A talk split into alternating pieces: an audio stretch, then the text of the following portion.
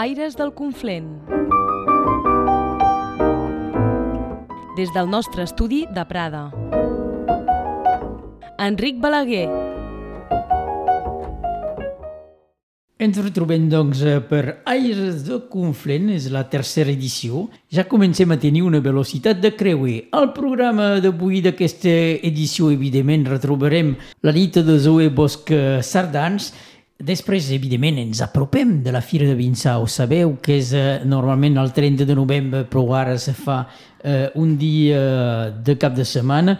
Eh, doncs retrobarem un arxiu de fa alguns anys. Albert Mayol ens parlarà d'una planta. Avui és l'herba dels mosquits. Sentirem el Camixivall i el Jaume Torinyà ens parlarà de Vallestàvia, un vilatge que coneix molt bé. El nostre convidat és en Ramon Gual, i sempre, malauradament, o sortosament, cal dir Ramon Gual, fill, però de moment escoltem la Zoe. Qui dita passa, any empeny. Zoe Bosch Sardans, Enric Balaguer. segons el llibre de Maria José Valiente. Les sabeu o les dieu? Fer pampallugues. És a dir, quan s'apaguen i encenen les bombetes que sembla que no funcioni o les que es posen per decorar les festes, de manera ràpida i intermitent. Ramon Gual, bon dia. Eh, bon dia. Això que estem obligats sempre de dir Ramon Gual pare, Ramon Gual filla o Ramon Gual el jove, Ramon Gual el vell, encara que no ets tan jove, eh? Ah, gràcies, Enric. Saps que tenim quasi bé la mateixa edat, eh? Hem nascut el mateix dia, El no, mate- no el mateix no el any. mateix any. Doncs És això. veritat. I, I doncs això t'ha molestat a cert moment de la teva vida o no? M'ha molestat de què? De, de semblar-me... Que, que la gent siguin obligat de precisar el, el jove, el vell... Ah, m'ha molestat el- molt perquè, el pare, el sobretot, que sempre han descuidat ma mare. Fill. Sí. Perquè la gent s'han pensat que m'havia fet tot sol. Sí, sí. I, i, i ho cal dir, eh? quan parlem de les edicions de Terra Nostra, del teu pare, sempre se parla del teu pare, però la teva mare ha fet una feina important I fa encara, i sí. fa encara una feina important. Sí. Bé, Ramon, parlem una mica de la teva vida. Vas començar a cantar bastant jove o a tocar de la guitarra bastant jove. Uh, sí, llavors la guitarra vaig començar a tenir 12 anys, en 74, i vaig començar a cantar oficialment, eh? perquè això, l'oficial és molt important. Cantar a l'escenari en 78. En 78. I vas acompanyar bastanta gent, vas fer part de, de la Gram, si no m'equivoco. Vaig començar amb el Matías, després a, a, vaig entrar a la Gram en 79-80, després vaig fer el grup Crescendo en 89 eh, i ara continuo el camí tot sol. I, i també vas eh, tenir una eh, experiència professional altra durant un temps. O molt de temps. Uh, molt de temps, 30 anys, eh? Excuseu-me excuseu de la cosa. Mm. 30 anys vaig ser impressor, sí. Vaig treballar en una impremta, uh, vaig fer una formació d'impressor, vaig ser formador també d'aprenents de, de, d'aprenents en impremta i vaig treballar a l'impremta primer a Perpinyà i després a Sant Esteve durant 30 anys, sí. Això, això és una feina que ha evolucionat molt i molt. És que eh, Massa. No, és, és molt, molt, molt diferent de Massa. quan tu vas començar. És que totalment, bon, és per això que la vaig deixar al cap de 30 anys, perquè me semblava que m'escapava totalment. Eh, m'escapava totalment de l'original que, que jo eh, havia estudiat i que m'havien ensenyat. O, eh, vull pas remuntar fins a Gutenberg, mais, però cal dir les coses com són, eh, el modernisme eh, ha canviat totalment aquesta feina, sí. Jo me recordo de visites de jovenet a l'Independent on posaven el lletra per lletra. Sí, la tipografia. La tipografia. Ho vas fer vaig tu? Ho has fet? Ben segur, i vaig fer aquí a Prada. A Can Roca, a l'impremta Roca que hi ha a l'Avinguda General. Sí, sí, vaig començar així. Sí, sí, vaig fer aquesta feina de, de tipografia. I això és molt, molt feixuc, molt pesat, no? Bé, segurament que s'ha de tenir molta paciència, molta agilitat a nivell dels dits, un treball de memòria també eh, prou potent per, per recordar el lloc on són les lletres, perquè són una mica disseminades de manera irregular. jo, si te vull fer una broma, durant 30 anys vaig ser un home de lletra. Sí, com els carters. Això. com els carters que són home de lletra. I, i doncs eh, després et va dedicar eh, completament a la cançó, però què, què representa per tu eh, eh, la cançó? Finalment tu, eh, torno una, una mica potser enrere, fas eh, tra cançó tradicional i adaptacions de, de cançons, no pot ser gaire composicions. Sí.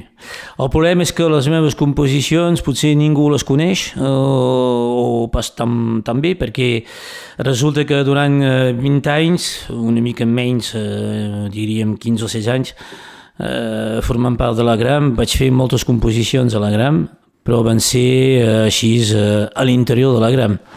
I doncs cap signatura, no, cap, cap signatura. Una signatura Era col·lectiva. una signatura col·lectiva doncs ningú sap que, que he fet eh, una quantitat eh, de cançons eh, quan era a la Gram. Després en tinc d'altres que canti a vegades quan hi ha l'oportunitat, però és veritat que m'ho consideri pas com un cantautor, doncs m'ho consideri més aviat com un animador i és veritat que me serveixi més bé eh, de les cançons dels altres o les cançons tradicionals i populars que no pas de les meves no animes directament fires, però moltes festes populars. Això per tu és un contacte important amb la gent, és, és on disfrutes eh, sí. molt? És el, en fi, crec que l'importància més gran és aquesta. Quan vaig començar amb el Maties, havíem pujat a l'escenari, em feia tot un món de l'escenari, perquè em semblava que l'escenari era un món eh, amb un poder increïble, perquè estaves a dalt de l'escenari i els altres estaven a baix, no? I a poc a poc m'he avisat que no, que la gent que tenia el poder eren els que, que eren a baix i no pas els que eren a dalt de l'escenari. I eh, avançant amb la vida em vaig avisar que bé, era important lligar sempre amb el públic, saber el que el públic que volia, que els hi podien fer sortir, perquè és important anar en directe cap al públic per saber què tenen realment habitualment eh, tothom diu oh, la gent no sap res, és, és fals, eh, la gent saben coses, el problema és que s'ha de trobar la situació perquè ho diguin aquestes coses, tu també ho saps, eh? quan fas entrevistes fas sortir coses a la gent que mai t'havia pensat que ho sabrien. Doncs eh, jo és quasi la mateixa cosa, faig animació per... Eh, per justament fer sortir les coses que tenen la gent, o, o bé són coses que se'n recorden, o bé són coses que se'n voldrien recordar, o bé són coses que voldrien aprendre, o bé són coses que descobreixen i, i tot això m'encanta. Bé, el contacte popular el, el tenim amb les fires i ara eh, escoltarem en René Draguer, que, era, que va ser eh, batlle de Vinçà i que es recorda en aquest arxiu la seva joventut i les fires del seu temps. Els arxius. Les fires tradicionals, com les coneixien abans, desapareixen a poc a poc. A Vinçà ha estat durant dècades una cita important. Sempre són coneixida i tinc 65 anys, eh? A l'inici del segle XXI s'estava morint L'any 2015 ha fet un gir important amb la participació del Casal del Conflent. Al novembre 2017 he entrevistat el batlle René Draguer, un home de sentit comú. Els meus avis, que s'estaven a Glorianes, venien cada any a la fira per vendre un porc, i també per s'acrompar tot el que s'hi calia per l'any. Les vestes, les calces, tot el que s'hi les camises, tot el que s'hi calia. Donc, eh, fa temps, eh, fa temps eh, que existe, eh, deu existir depuis el 1800 i pico. Eh?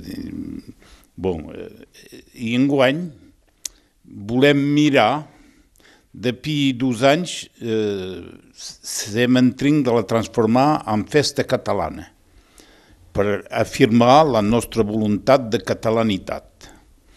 I enguany canviem la fira hi haurà pas més els marxants com d'habitude, hi haurà un marché de producteurs per fer conèixer el que se fa dins del nostre departament, que sigui en artisanà o en, en formatges, en charcuteria, en pa, tot el que se fa del nostre departament, que és de la nostra terra que ven això. La gent vindrà de tot arreu del departament? Oh, n'hi ha d'un poc per tot, oh. i sobretot del Conflent. Sem, sem que mem és dins del Conflent aquí. I el Conflent és que mem una bona terra, eh, ben bonica, i nos la cal fer conèixer. Eh? Perquè la gent coneixen pas el Conflent. Passen sur la nacional per anar per allà dalt a la muntanya a fer esquí, eh, l'estiu passen a la nacional per anar a fer mullar les peus de la mar, mi, el Conflant s'hi resten pas, i portant el Conflant val el cop que nos hi restem. Sobre aquest tema, què penseu? Eh, és eh, prioritari ara de consumir productes a proximitat? És prioritari per un munt de raons. Dejà, eh, si vols adobar l'environnement, i que hi hagi menys de CO2, cal arrestar d'anar a cercar eh, coses eh, al Brasil, eh, en Argentina. Hi ha motus aquí. Per què anar a crompar motus en Argentina? Això permet de fer viure gent sobre la nostra terra. Aquí ara, al termes de Vinçà, i comença a dir, dir bé un poc eh, de frixes. I això no, no m'agrada a jo. Voldria que tots els camps siguin cultivats com en bantes, que siguin eh, el, en bantes a la, a la primavera, tenies un, te muntaves a Batllorera, quan tot era floret, era magnífic aquesta plana. Ara eh, l'és bastant. Donc cal fixar a joves sur plaça i cal menjar local per evitar tots aquests transports, tots aquests, la 116 és dangerosa com tot. Cal evitar de circular que n'és pas la pena. Voldrien deixar una traça ecològica pres del nostre passatge. Sem aquí que passatge, sem locataris de la terra que deixarem a la nostra mainada. Donc, eh, sem fet dos bornes per als vehicles elèctrics i doncs els vehicles elèctrics se poden carregar aquí davant de la mairie, de l'Ajuntament, si vols, i se poden posar a la, a la xarxa. Donc, això és per començar de posar el peu sus d'una altra forma de transport, un transport net que faci pas CO2. Senyor Draguer, Batlle de Vinzà, tornem a, a la fira. Ha estat, hi ha hagut dos girs a la, a la fira, jo pensi. Primer, el de fer el cap de setmana en lloc del fer eh, realment cada 30 de novembre, eh, dia de Sant Andreu, i el segon, aquest gir una mica de cultura catalana. Oh, perquè quan ho feien el dia de la Sant Andreu, quan queia un dia de setmana, tenies pas ningú que venia. Donc, els, els pobres marxants que venien a vendre eh, eh, tenen de vendre també. Si, si venen pas, treballen pas, tornaran pas a venir. Donc, la fira era en train de caure. Nos van posar, un mer abans de jo, se va posar la qüestió. Què fem? Arrestem ho mirem d'estre intel·ligents i ho fer el diumenge. Ho vam fer el diumenge. Va marxar un poc. Mi, ara calia atrapar altra cosa. I l'altra cosa era fer una festa catalana el dissabte haurà un correfoc. Veus, això eh, d'una animació dins d'un vilatge. És guapo un correfoc. Amb eh, eh, els nostres amics de, de, de, de Prada, dels castellets de Prada, eh, s'hem trapat una solució per fer viure aquesta fira, per, per fer una festa catalana de dos dies i mig.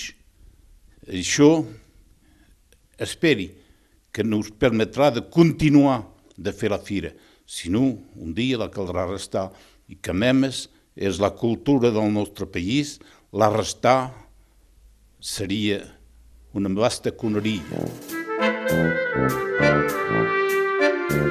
Els arxius.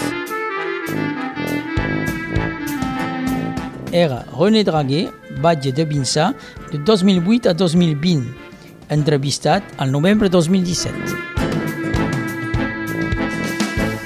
Retrobem el nostre estudi de Prada en Ramon Gual. Ramon Gual hi balla per eh, eh, fer la diferència amb l'editor de Terra Nostra. Ramon, com veus tu el, el Conflent? Què, què representa? Ah, que representa el Conflent? Uh, diverses coses. uh, primer cal saber que hi he pas nascut, eh? però he vingut aquí uh, quan tenia 3 anys. Això vol dir que no me'n recordi realment com vaig venir. L'única cosa que em recordo és que tinc un buny aquí al cap, que no es veu, potser, però que va succeir el fet que quan els meus pares van comprar la casa de Codalet el 1965 i que la vam anar a veure, jo tenia 3 anys, van dir, la, els meus pares van dir a la meva germana i jo, feu atenció, feu polit, aquí hi ha un forat. Mm. Tothom va escoltar, menys jo. Vaig passar a través del forat i em vaig fer un bony aquí al cap.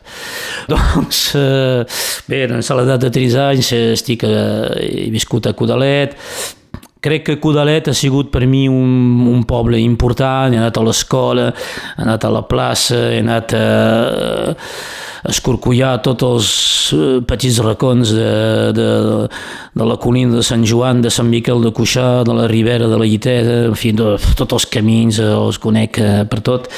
I realment ha sigut el meu, el meu bressol la vida m'ha portat a viure en d'altres llocs i quan he pogut he tornat aquí al Conflent perquè és aquí la meva casa, al peu del Canigó, representa el Canigó, evidentment, és una muntanya important, no solament per la història i el mític que pot tenir, eh? però no sé, té una tirança quan la veig de, des de la finestra del meu balcó com una, una cosa normal que, que t'aixeques quan matí, que verifiques primer la cosa si el Canigó encara és aquí. I tu amb els teus pares i tu mateix has caminat bastant, eh, bastant dins de les, eh, els camins del Conflent. Sí, i encara. I encara. I doncs te, podem dir que te'l coneixes eh, perfectament. Sí, en conec, en conec una mica, però veus, eh, curiosament hi ha sempre això. Eh, durant temps els meus pares van anar al Vallespí, per casualitat, eh, perquè feien colònies de vacances i passaven els estius allà. I quan anàvem a la muntanya des del Vallespí, quan anàvem a la Rutjà, a les esquerdes de Rutjà, al Pleguiem, eh, doncs que érem allà, mon pare m'ensenyava, veus allà, hi ha Prada, mira, hi ha Codalet, tot això. I jo tenia aquesta, sempre aquesta mirada particular per a Codalet i Prada. Doncs encara quan vaig pels camins d'aquí és la mateixa cosa, no ha pas canviat. El Me'n camí... vaig a bell lloc i, i miro Codalet i Prada. El Canigó és més bonic vist del Conflent. Uh, és diferent, perquè he vist de l'altre costat del Vallespí o, o fins i tot de l'Empordà, perquè he anat a cantar aquests dies a l'Empordà, també el veuen, eh? però és totalment diferent, sí. Crec que el majestuós és d'aquí vist de Prada. Ramon, eh, Saps que aquí se fa... Tu faig també animació per, per infants i en parlarem uh, més endavant. Saps que aquí se fa, uh, al Casal del Conflent, se fa els camixibais. Sí. I els camixibais en escoltarem ara mateix un que és La gallina negra. Els camixibais del Casal del Conflent. La gallina negra contat per la Marie Nicolau de Soignes l'any 1994, adaptat per en Didier Pairé. L'il·lustrador és l'Alexandre David.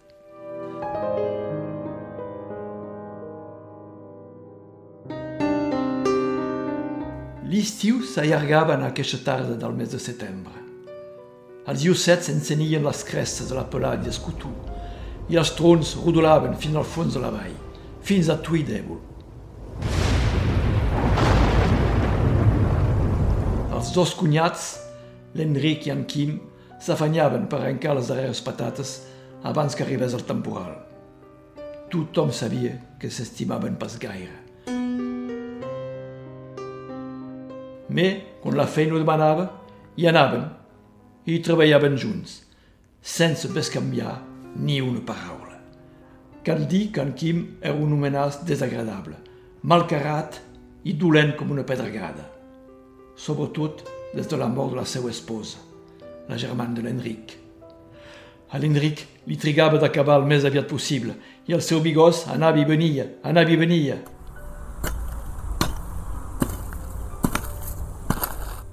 Veieu massa rebent. A un moment, l'Ein va topar contra un peu d'en Quim, que va fer un atzurs i un petit cri de dolor. La mirada glaçada d'en Quim va creuar la de l'Enric. Malparit, mu pagaràs, tu juris sobre els mil dimonis de l'infern.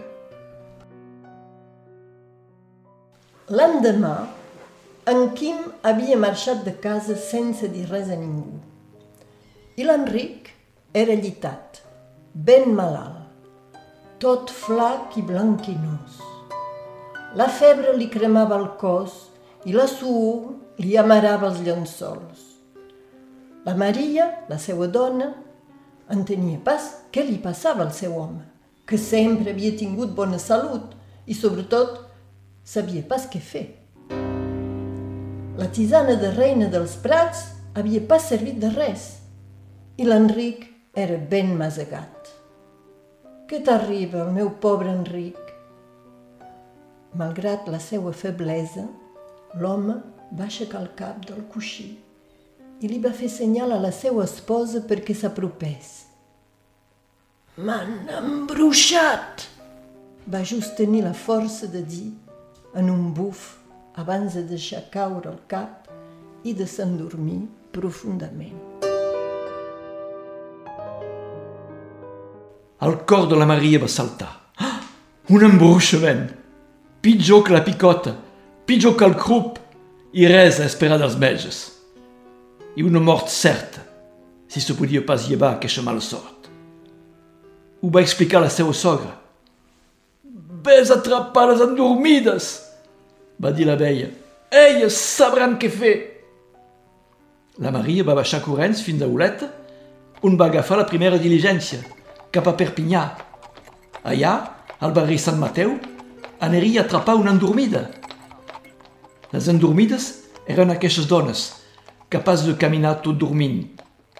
Tenien uns poders especials i endominaven les coses passades, presents i futures. Sabien com fer per treure el mal d'ull, però per això se feien pagar, i molt car. La Maria havia agafat a la calaixera tots els magres estalvis que guardava i quedava ara completament pelada. L'endormida del carrer del Pou de les Cadenes era una dona magra i nuosa com un xirment. Era cega i els seus ulls blanquinosos que fixaven el no-res feien venir un malestar estrany. Abans que la Maria obrís la boca per explicar el seu cas, l'endormida va dir «Al vostre home li han donat la mala mort. Hi ha pas cap remei i el perdreu».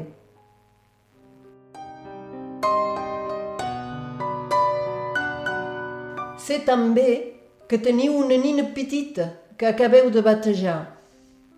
La perdreu també. Perdreu l'home i la nina. Pobra Maria li va semblar que el cel li queia sul cap. Va pagar la dona i va salla, cap baixa i els ulls plens de llàgrimes.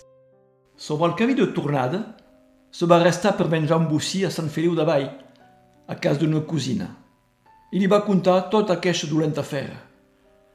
Te'n facis pas, Maria, va dir la cosina. Coneixi qualcús que te podrà ajudar. Anem-hi de seguida. Anem a veure l'Isidre. Viu als afors del vilatge, prop de la Comalada, del banc del mas de l'Estruga. És un home estrany, un poc salvatge, mig curandero i mig bruixot. I per això agrada pas a molta gent. Més jo sé que és un home bu. M'ha ajudat més d'un cop. El casot de l'Isidre semblava més una farda que una habitació.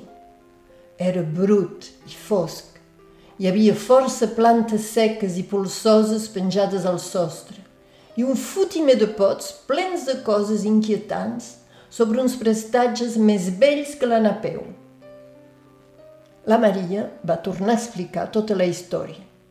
L'Isidre va escoltar sense dir ni piu. Va rumiar quelques paraules inaudibles i va dir això. Escolteu bé. Tindreu de fer exactament el que vos diré, punt per punt. És molt important. Vos caldrà anar a crompar un tupí de terra i vos caldrà crompar el cor d'una vaca negra o d'un bou negre i vos caldrà crompar claus de ferrer per ferrar els burros. N'agafareu un grapat i vos caldrà regatejar el preu. Clavareu nou claus en aquell cor de bèstia i el fareu bulla en el tupí. El fareu bulla a la nit. I d'aquí vos caldrà anar a cercar dos homes dels més forts que hi ha. Caldrà deixar la porta de la casa meitat oberta, meitat tancada i que aquests homes guardin el tupí. Quan el cor serà cuit, el vostre home serà gurit.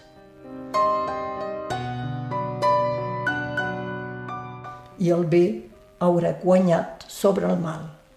Després d'haver acomiadat l'Isidre i la seva cosina, la Maria va tornar a agafar la diligència. A Vinçà va baixar i va anar a crompar un bonic tupí de terra. Va anar també a atrapar en Fuix, el ferrer, i va regatejar el preu dels claus, com se li havia dit. Vull aquest grapat de claus. A quan m'ho feu? Deu cèntims. És massa car. No per a tu. No, massa car. Vuit és el meu darrer preu i encara hi perdi. Ja va bé. I va deixar els pocs sous que li quedaven.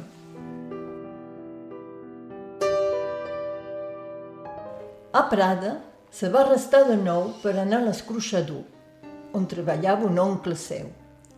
Sabia que li faria pas pagar el cor de l'animal.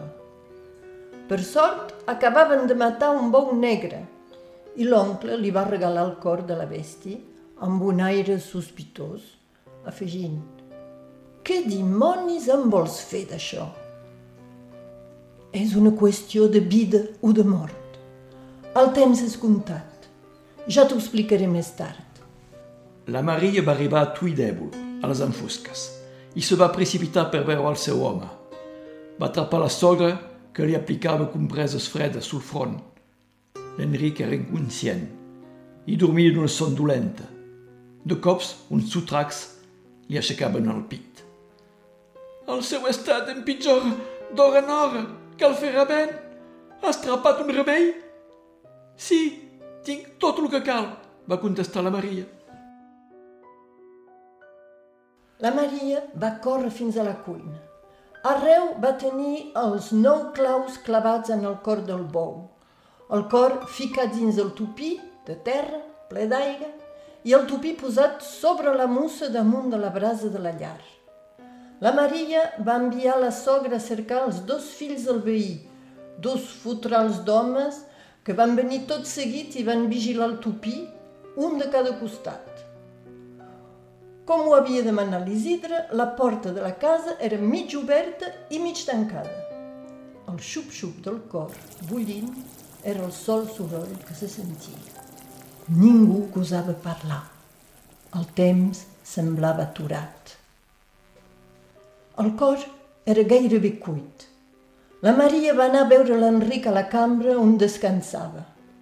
Quina sorpresa! El seu home anava molt millor.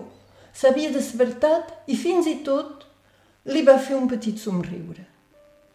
La Maria li va besar el front i va tornar de seguida a la cuina. Era mitjanit. Ja se sentia el toc de les campanes d'Evo. Tot d'un cop, la porta va guinyolar un poc i una gallina negra va entrar. Sorprès, un dels dos homes se va avançar per fer fugir l'animal.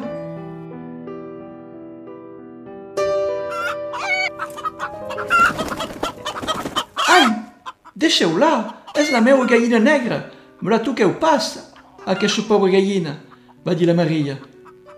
L'home va escoltar el que li deia la Maria i se va apartar. La gallina va avançar lentament cap a la vora del foc, cap a la vora del foc, lentament. Quan va ser molt a prop, va fer un salt cap al tupí i li va donar un cop d'ala.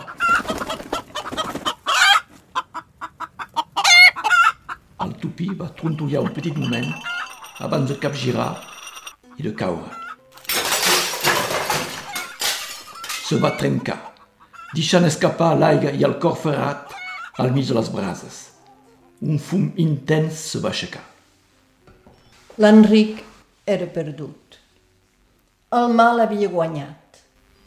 La seva mare el va veure morir gairebé a l'instant.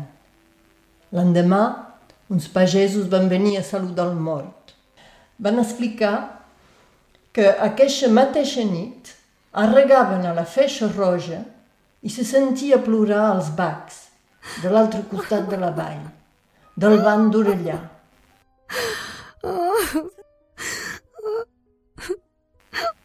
Passada mitjanit, els plors se van transformar en riures. Pocs dies després, la nina va morir al seu torn, com ho havia predit l'endormida.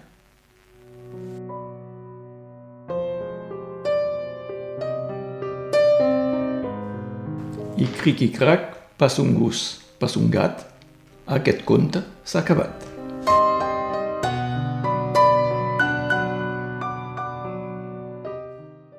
Era La gallina negra amb les veus de Violeta Tubert i Didier Pairé del Casal del Conflent.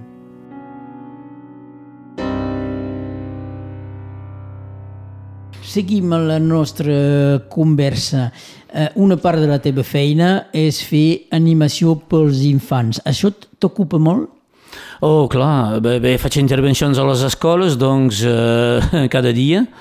Donc tinc de moment aquí tres escoles, l'escola de Caillà, de Sora, eh, de Nefiac i a partir del mes de març de Bernet. Doncs eh, tinc regularment intervencions a les escoles, després faig espectacles també per la mainada, així puntualment, faig intervencions en algunes escoles com a Arrels, per exemple, o a la Festa de la Bressola cada any. Eh, jo sé que també te, fas intervenció la, per als infants, però també tens una gran part que és amb persona eh, de més edat, jo ho diria d'aquesta manera, o gairebé, diguem, gent gran. Són, són infants no, amb una edat una mica més gran. Sí, sí. Hi ha un punts comuns? Ben segur. Sí, sí, hi ha un punt comú. Crec que hi ha dos punts comuns fins, a, fins, fins i tot.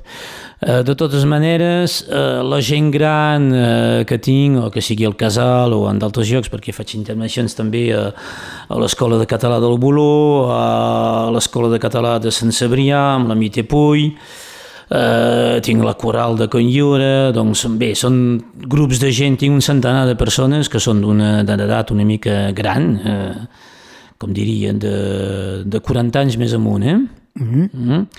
Però a l'interior, entre la gent que venen aquí per cantar i aprendre el català, hi ha també els que volen retrobar una mica totes les afinitats perdudes amb el català i amb la cançó catalana.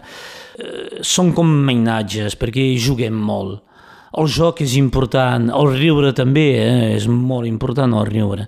Si podem riure del que fem, eh, ens adonem que conservem més bé les coses i les aguantem més a la memòria, com I, més riuem. I això ho has fet amb el Teatre Escarró, per exemple? Sí, uf, sí, quasi bé 20 anys amb els Escaró, que hem, que hem treballat la memòria i que ens ho hem passat bé, ens hem realment regalat. Ja ens regalàvem només a la, fent els assajos, sí. en el moment de crear, de fer la creació, però després ens fotíem un tip de riure quan ho fèiem en públic. Ara bé, eh, sense ser pessimista, eh, tot el meu treball també és basat en la divulgació.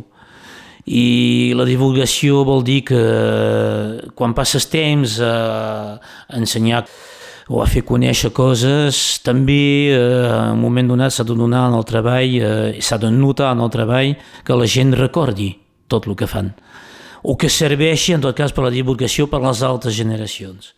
I pel cas d'Escaró eh, vaig quedar una mica una mica tallat perquè m'he donat que quan he acabat eh, la generació que venia darrere no els hi ha pas eh, En canvi, engrescat. potser hi ha aquesta esperança amb la mainada. Hi ha sempre esperança. Sí, la mainada a qualsevol moment, a qualsevol lloc, eh, és la que, que, que representa el futur i doncs eh, hi hem de creure sempre eh, en fer la divulgació amb aquesta, amb aquesta mainada, d'allà on sigui. Ara et proposo de, que ens passegem per un vilatge. Eh, has parlat d'Escaró. Sí. Eh, hi ha molts punts comuns eh, amb Vallestàvia. I tant. eh? que és, eh, que és l'activitat eh, minera, Vilatge poble, de resistència, vilatge sí. de resistència i tot això. Mm. Anem amb el Jaume Taurinyà a Escaró.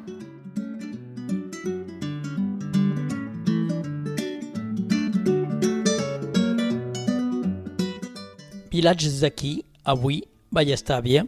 Seguim amb el Jaume Taurinyà, és la tercera part.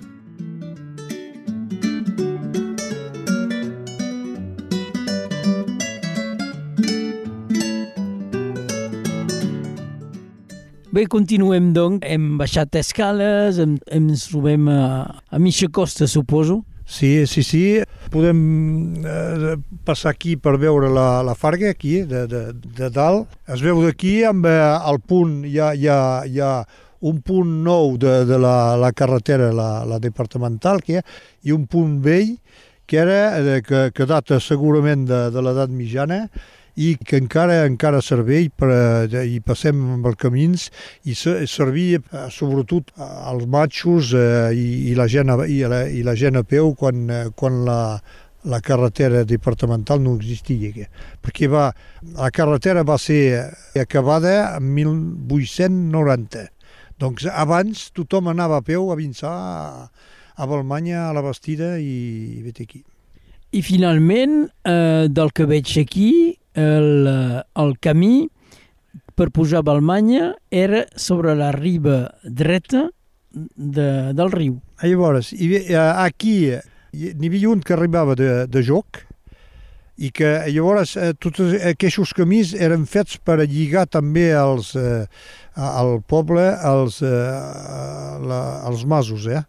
Doncs eh, n'hi havia un que pujava de joc, que passaven a un, un, un, un rodal important que se'n diu Saïà, que era un mas eh, important d'aquí de la vall, i després arribava aquí i n'hi havia un també, això era la, la riba esquerra, de, eh, dreta, perdó, de la Lentillà, i n'hi havia un sobre la, la, la riba esquerra que venia d'Estuer, d'Estuer i fins i tot de, de Finestret. Doncs eh, aquests dos camins eh, han servit també per, per traginar ferro. Eh?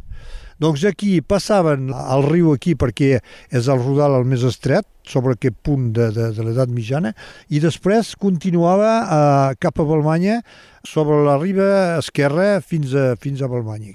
I n'hi havia un bocí que anava també, un embrancament, que anava cap a, cap a la Bastida.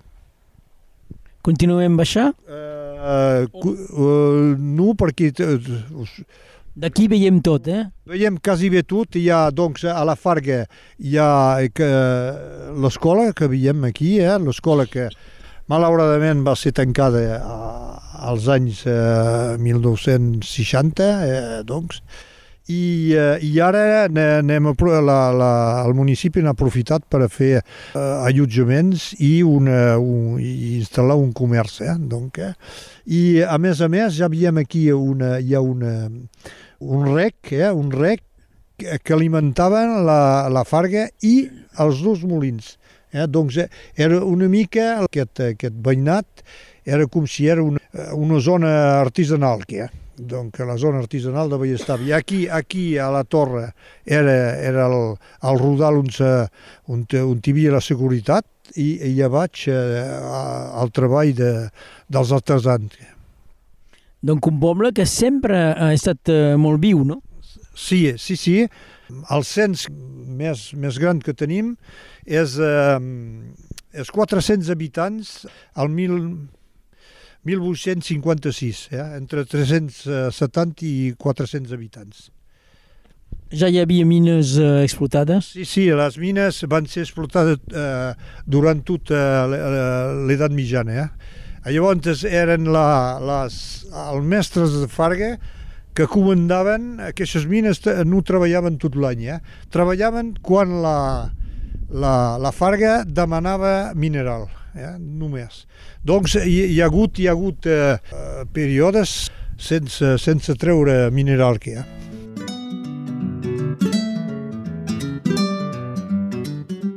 Ens retrobem molt aviat amb el Jaume Taurinyà per seguir la passejada a Vallestàvia.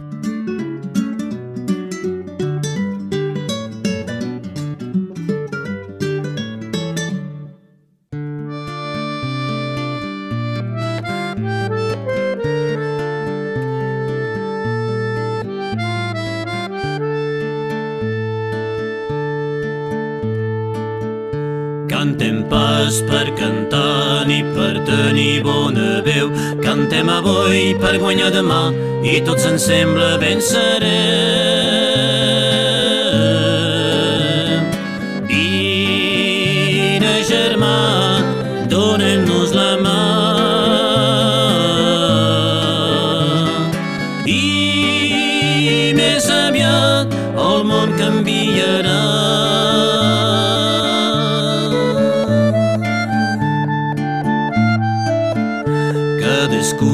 Té la seva eina per complir la seva feina. Té l'arada, el llaurador, nosaltres tenim cançó.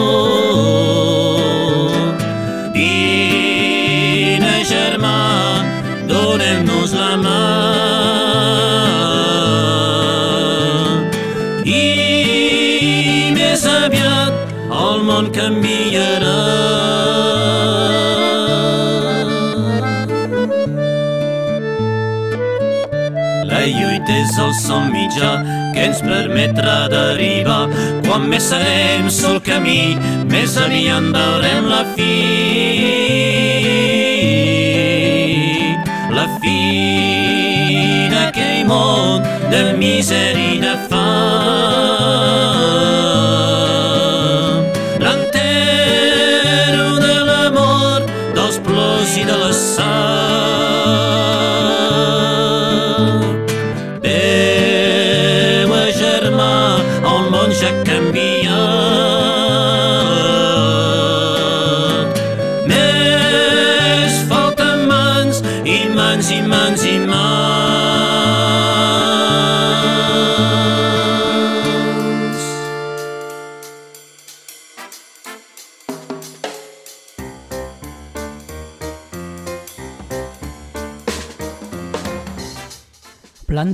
De Conflent.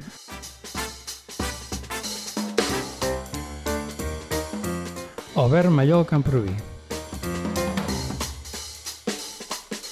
Albert Mayol és eh, naturalista, és el nostre especialista que ve eh, regularment parlar de planta aquí a Radio Arrels al Conflent. Albert, bon dia. Bon dia, Enric. Avui, quina és la planta? Avui en tenim una altra, que té un nom eh, que fa pensar. Herba dels mosquits. Ah, i doncs què? És que fa treure eh, els mosquits o els fa marxar? Ai, té una olor una mica... Com diria jo? Té una olor una mica pujada. Pujada. Eh, no, no sabria dir-ho perquè jo no ho conec pas, eh, però diuen que té una olor canforada. Jo la trobi dolça. I sí, estem parlant de Dietrichia viscosa, herba dels mosquits. En altres bandes eh, eh, se li diu olivarda, libardo eh, i altres noms. Eh? Seria el més comú olivarda. Però aquí, a casa nostra, l'únic nom que tenim recollit és herba dels mosquits. En Conill ho recull. I doncs vol dir que atrau els mosquits o els fa, mal, els fa fusa? El que explica és que s'hi queden enganxats. D'acord. Sí, i, i ara aquí ja podem explicar moltes més coses. Podem explicar que aquesta planta, perquè s'hi enganxin els mosquits, és viscosa. Llavors, quan la toquem, tenim la sensació d'enganxar-nos els dits amb la planta. Això vol dir que té tota una sèrie de pèls, que té unes boletes que quan toquem surt aquest líquid i és enganxifós. Fem una descripció més eh, general de la planta. Sí. És una planta que treu tiges dretes i que és molt i molt i molt ramificada. Llavors, pot haver-hi forces tiges. Llavors, les del centre solen ser ben dretes i les dels costats són una mica corbades, és evident, perquè es fa sombra i busquen el sol i pugen. I, i cada branca, a més a més, treu altres branques.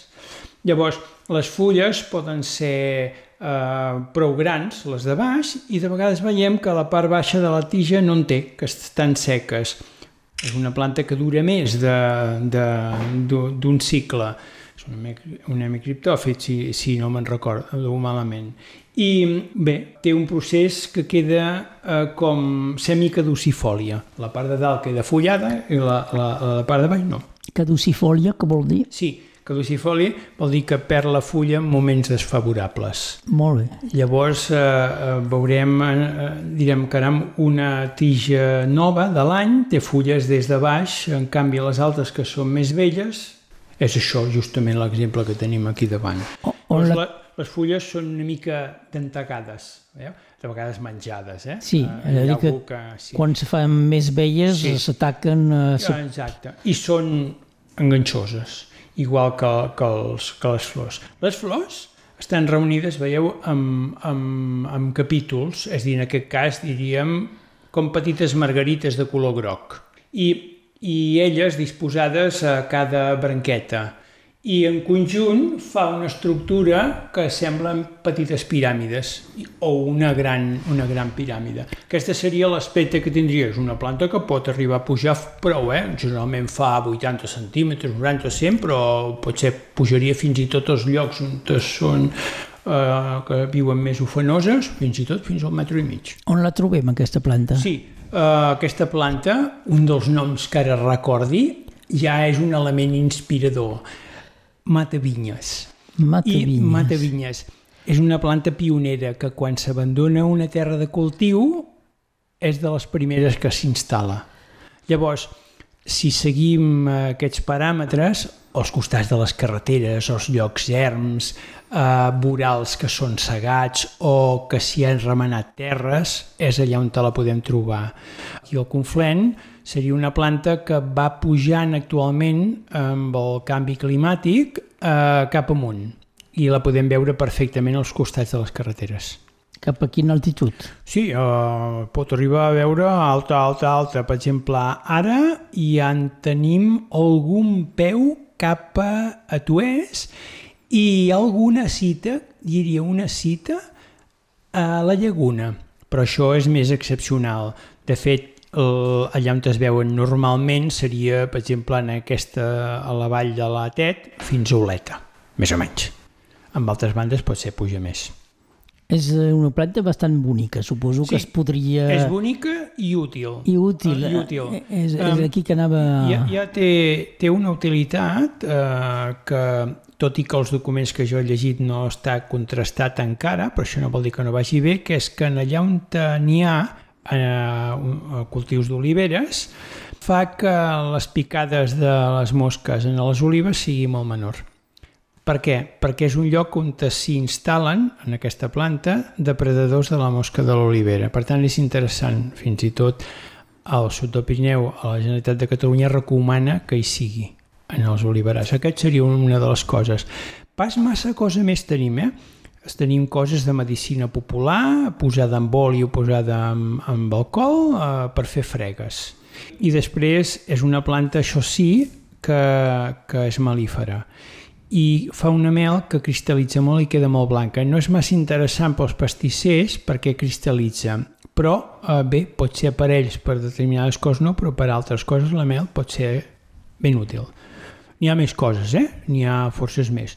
Però vull dir que com a planta és una planta realment interessant, sigui per l'agricultura com per possibilitats de treure eh, químics eh, o, o algun element eh, com l'inulina, per exemple que les ínules en solen tenir, per fer-ne quelcom.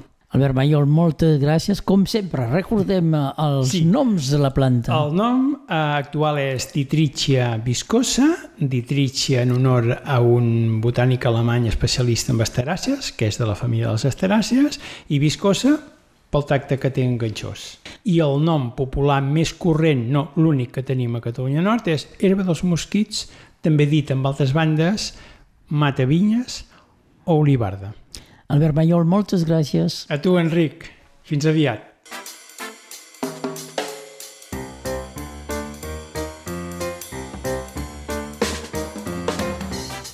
Albert Mallol Camproví.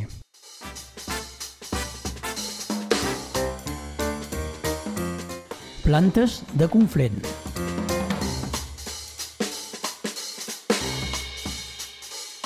Bon dia, sóc Agnès de l'Oficina de Turisme Conflent Canigó. Us informo d'algunes animacions que es fan al Conflent aquest cap de setmana. Aquest dissabte, a les, de les 9 a les 12.30, la botiga de productors de Prada, El Rastell, proposa una degustació de muscat de Nadal. La cita és davant de la botiga del Rastell i podreu tastar diversos productes locals com suc de fruita, pa d'espècies, xocolata, foie gras, pa, fondu de formatge de cabra, entre d'altres moltes bones coses.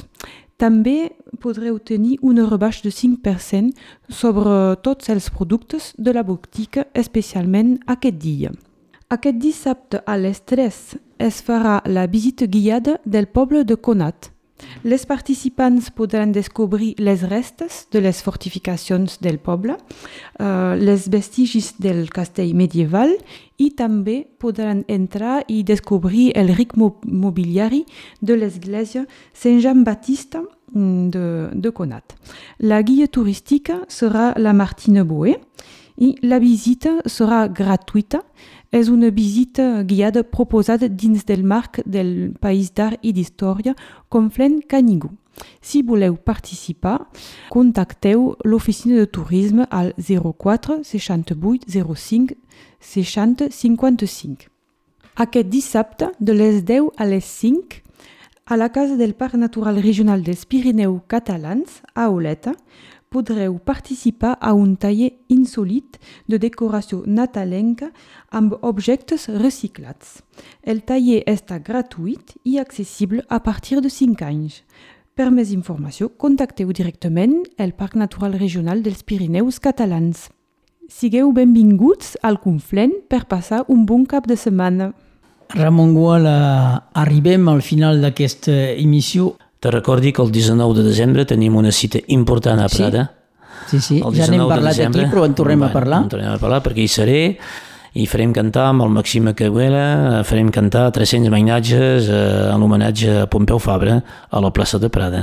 Es pot eh, dir una mica el que fareu? Teniu... Eh, Sí, hi haurà tallers. revelar alguna cosa? Hi haurà tallers en la qual participaran el casal del Conflent i també alumnes del col·legi del Liceu i a l'última hora doncs, eh, tindrem un escenari i cantarem eh, un parell de cançons eh, amb un final que serà espectacular, pensi, amb els segadors eh, a la plaça de Prada amb 300 homenatges, sí, valdrà la pena ser-hi. Bon contacte amb eh, Maxima, que és un jovenet i, i que, Sí. que ell va entrar una mica dins el Star System. Va començar per allà on nosaltres no hem començat. li, li donem la benvinguda i, i li dediquem uh, un bon viatge a la cançó catalana. Doncs a Ramon Guali i Batlle, gràcies eh, per eh, ens haver acompanyat en aquesta emissió, que és encara una mica nova, ho cal confessar. Bueno. Aires del Conflent. Fins aviat. Fins aviat. Adéu.